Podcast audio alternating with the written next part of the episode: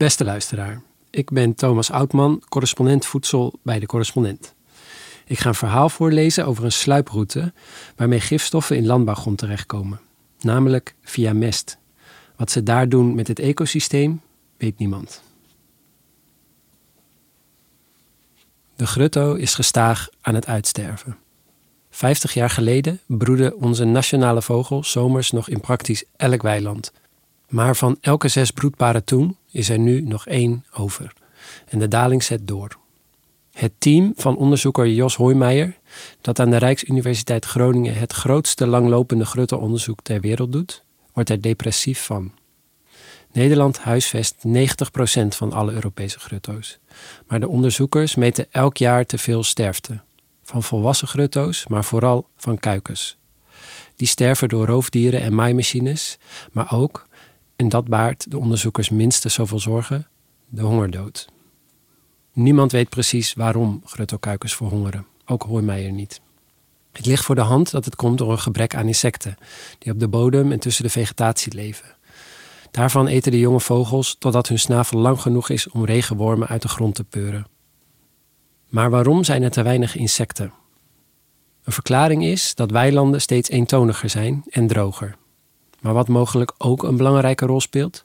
De cocktail van gifstoffen die in landbouwgrond te vinden is. Is het gebruik van landbouwgif dan niet aan strenge normen gebonden? Jawel. Boeren mogen absoluut niet zomaar gif over hun land spuiten. Het zogenaamde College voor de toelating van gewasbeschermingsmiddelen en biociden bepaalt welke gifstoffen ze mogen gebruiken en hoeveel. Ook voor de gevolgen van het gebruik zijn normen. Voor bestrijdingsmiddelen in menselijk voedsel, al gaan die volgens velen niet ver genoeg. En sinds de jaren 70 ook voor het oppervlaktewater, al worden die nog steeds niet goed nageleefd. De normen worden structureel gemonitord, opdat mensen niet vergiftigd worden en waterdieren in sloten en kanalen niet dood komen bovendrijven. Maar voor landbouwgrond zijn zulke normen er niet. En die grond wordt ook niet structureel getest op gifstoffen. Het idee daarachter? Als boeren niet te veel mogen spuiten en als er niet te veel gif in ons eten zit of in het water, dan zal het met de rest van het systeem ook wel goed zitten. Maar daar beginnen de grutteonderzoekers nu aan te twijfelen. En zij zijn niet de enige. Onafhankelijke onderzoekers Jelmer Buis en Margriet Manting haalden in 2019 het landelijke nieuws door te laten zien hoe gifstoffen via een sluiproute in weilanden terecht kunnen komen. Via mest.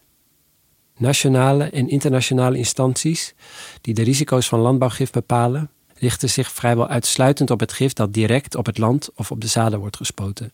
Ze houden er geen rekening mee dat gif ook via diervoeding door vee en in de vorm van diergeneesmiddelen in de mest kan komen, die vervolgens in landbouwgrond wordt geïnjecteerd.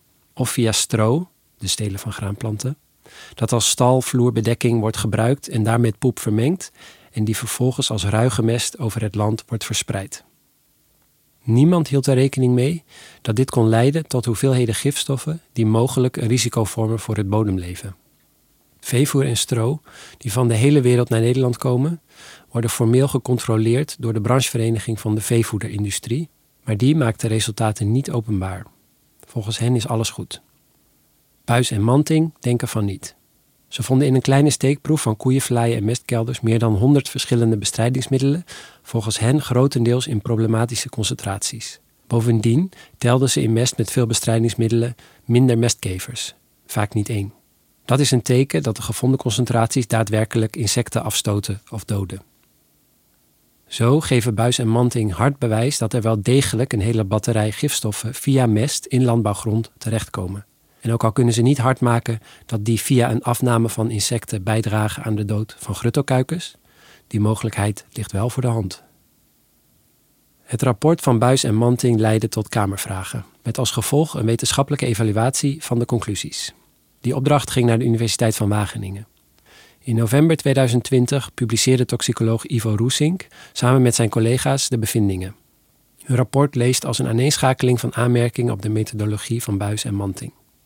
Zo vinden de Wageningse onderzoekers dat de betrouwbaarheid van de meetwaarden niet gecontroleerd kan worden, omdat Buis en Manting de meetmethode niet volledig beschrijven en ook niet hebben getest hoe precies de meetmethode is.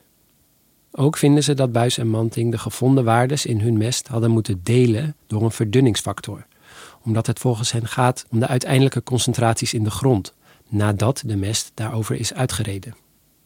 Buis en Manting zijn het hiermee oneens, aangezien dieren niet wachten tot de mest gelijkmatig over de bodem is verdeeld en er direct van eten.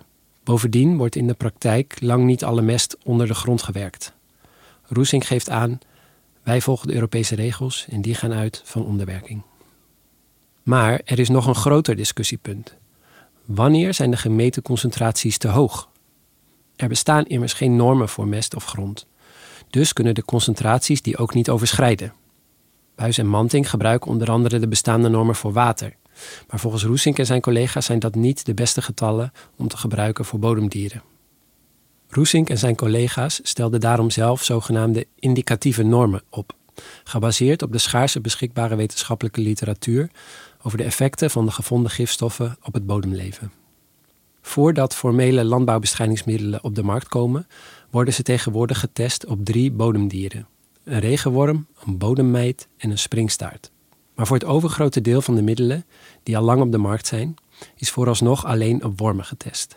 Bijvoorbeeld door studies die vaststellen bij welke concentratie de helft van een bepaalde soort regenworm aanraking met de stof overleeft. Niet echt een geruststellend criterium. Dus dat getal delen de Wageningse onderzoekers dan door duizend om aan de veilige kant te zitten. Op basis hiervan produceren Roesink en collega's hele tabellen vol schattingen van de effecten van al die verschillende gifstoffen op een paar diersoorten. Maar het is natte vingerwerk en alsnog blijven grote delen van de tabellen gevuld met vraagtekens. Op basis van deze gebrekkige resultaten concluderen de Wageningse onderzoekers dat op 20% van de landbouwbedrijven de door hen vastgestelde indicatieve normen slechts een enkele keer worden benaderd of overschreden. Zonder de door Buis betwiste verdunningsfactor zou dat trouwens 70% zijn. Samenvattend stellen ze dat de gevonden concentraties gifstoffen vanuit het perspectief van de risicobeoordeling niet meteen een aanleiding vormen voor nader onderzoek. In een latere paragraaf adviseren de onderzoekers wel, en ik citeer, om de in dit rapport benoemde onduidelijkheden voor met name veterinaire middelen en middelen die voorheen werden verondersteld geen route naar het milieu te hebben, via wetenschappelijke studies te onderbouwen. In de samenvatting stellen ze ook dat het onduidelijk is of er thans voldoende rekening wordt gehouden met de route via mest. Minister Carola Schouten besluit daarop in een Kamerbrief, en ik citeer, dat de mogelijke emissieroute van gewasbeschermingsmiddelen via voer in de mest geen significante route is en dat het hierop aanpassen van de beoordelingssystematiek niet noodzakelijk is. In januari van dit jaar worden opnieuw Kamervragen gesteld. Waarom heeft de Universiteit van Wageningen zelf geen metingen verricht naar aanleiding van de vorige Kamervragen? En waarom gaat het rapport niet in op de afwezigheid van mestkevers in de mest met de meeste gifstoffen? Het antwoord van de minister is dat daartoe geen aanleiding was, omdat de negatieve effecten van de vele door buis en manting gevonden gifstoffen op het milieu onvoldoende zijn onderbouwd. De logica van de minister is als volgt: er hoeven geen metingen gedaan te worden, omdat er geen metingen zijn gedaan die bewijzen dat dat nodig is. Zaak gesloten. Het ministerie stuurt Kamerleden met een kluitje in het riet. Want zouden er niet juist structureel metingen gedaan moeten worden om aan te tonen dat er niets aan de hand is? Als er inderdaad hiaten in het onderzoek van Buis en Manting zitten, dan is het de minister te verwijten dat zij geen beter onderzoek laat uitvoeren om het zekere voor het onzekere te nemen. Want het onderzoek van Buis en Manting mag dan volgens Wageningen tekortkomingen hebben. Zij tonen wel degelijk aan dat er een hiaat in de regelgeving is. Er is geen monitoring- of controlesysteem voor gifstoffen die via de mest het land bereiken, terwijl de vele gevonden gifstoffen, nog los van hun concentraties, bewijzen dat vervuiling via deze route wel degelijk plaatsvindt. Daar zijn de Wageningse onderzoekers het mee eens. Ze schrijven dat dit onderzoek een belangrijke signalerende werking heeft en desgevraagd zegt Roesink dat de door Buis en Manting gevonden overschrijdingen van indicatieve normen waarschijnlijk het topje van de ijsberg zijn. Waarom hebben de Wageningse onderzoekers dat niet aan de minister gerapporteerd? Dat was niet de vraag die ons is gesteld. Aldus Roesink. Terwijl de gruttelkuikens verhongeren, blijven de overheid en de controleurs in rondjes draaien. Wie zou de handschoen moeten oppakken? Uiteindelijk is de minister eindverantwoordelijke voor de veiligheid van het landbouwsysteem. Maar zij heeft haar taak gedaan. Zij heeft onderzoek laten uitvoeren en heeft de aanbevelingen van de experts overgenomen. De Wageningse wetenschappers doen op hun beurt ook niets verkeerd. Naar hun beste kunnen trekken zij conclusies op basis van de beschikbare kennis en de bestaande wetgeving en geven ook onduidelijkheden aan. Zij hebben gedaan wat er van hen gevraagd wordt. Ook het College voor de Toelating van Gewasbeschermingsmiddelen en Biociden zou bij het ministerie aan de bel kunnen trekken. Maar zij sluiten zich aan bij de conclusies van Wageningen. Bovendien is hun formele taak slechts om de toelating van middelen te toetsen aan de wetgeving. En daaraan is voldaan. Om het wel of niet bestaan van de ijsberg aan het licht te brengen, moeten of onderzoekers meer doen dan er van hen gevraagd wordt, namelijk een aanbeveling doen aan de minister waar zij niet om heeft gevraagd, of de minister moet meer doen dan er van haar gevraagd wordt, namelijk zonder directe aanleiding een grootschalig onderzoek instellen naar gif in mest, of de bestrijdingsmiddelenfabrikanten moeten meer doen dan wat er van hen gevraagd wordt. Namelijk mogelijke milieuvervuiling met hun producten onderzoeken en openbaar maken, terwijl dat volgens de wet niet hoeft. Blijkbaar zet er geen van allen die extra stap. Waarom niet?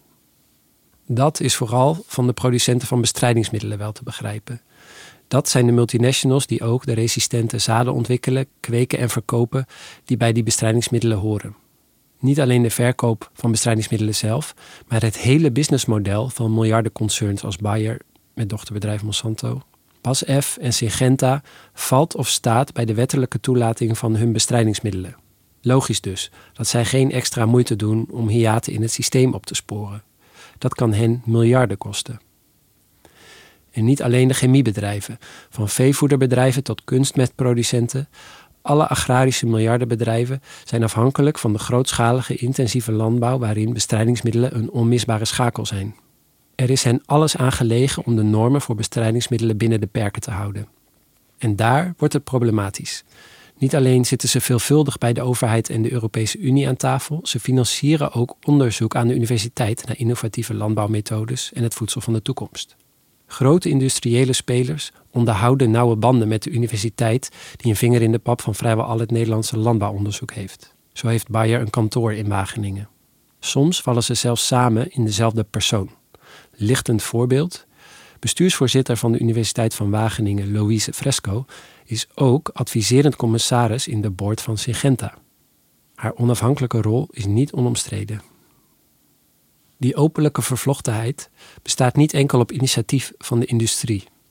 Het topsectorenbeleid van de overheid bepaalt dat een deel van het onderzoek aan Wageningen Universiteit mede gefinancierd moet worden door het bedrijfsleven, die daarmee ook invloed hebben op welk onderzoek gefinancierd wordt.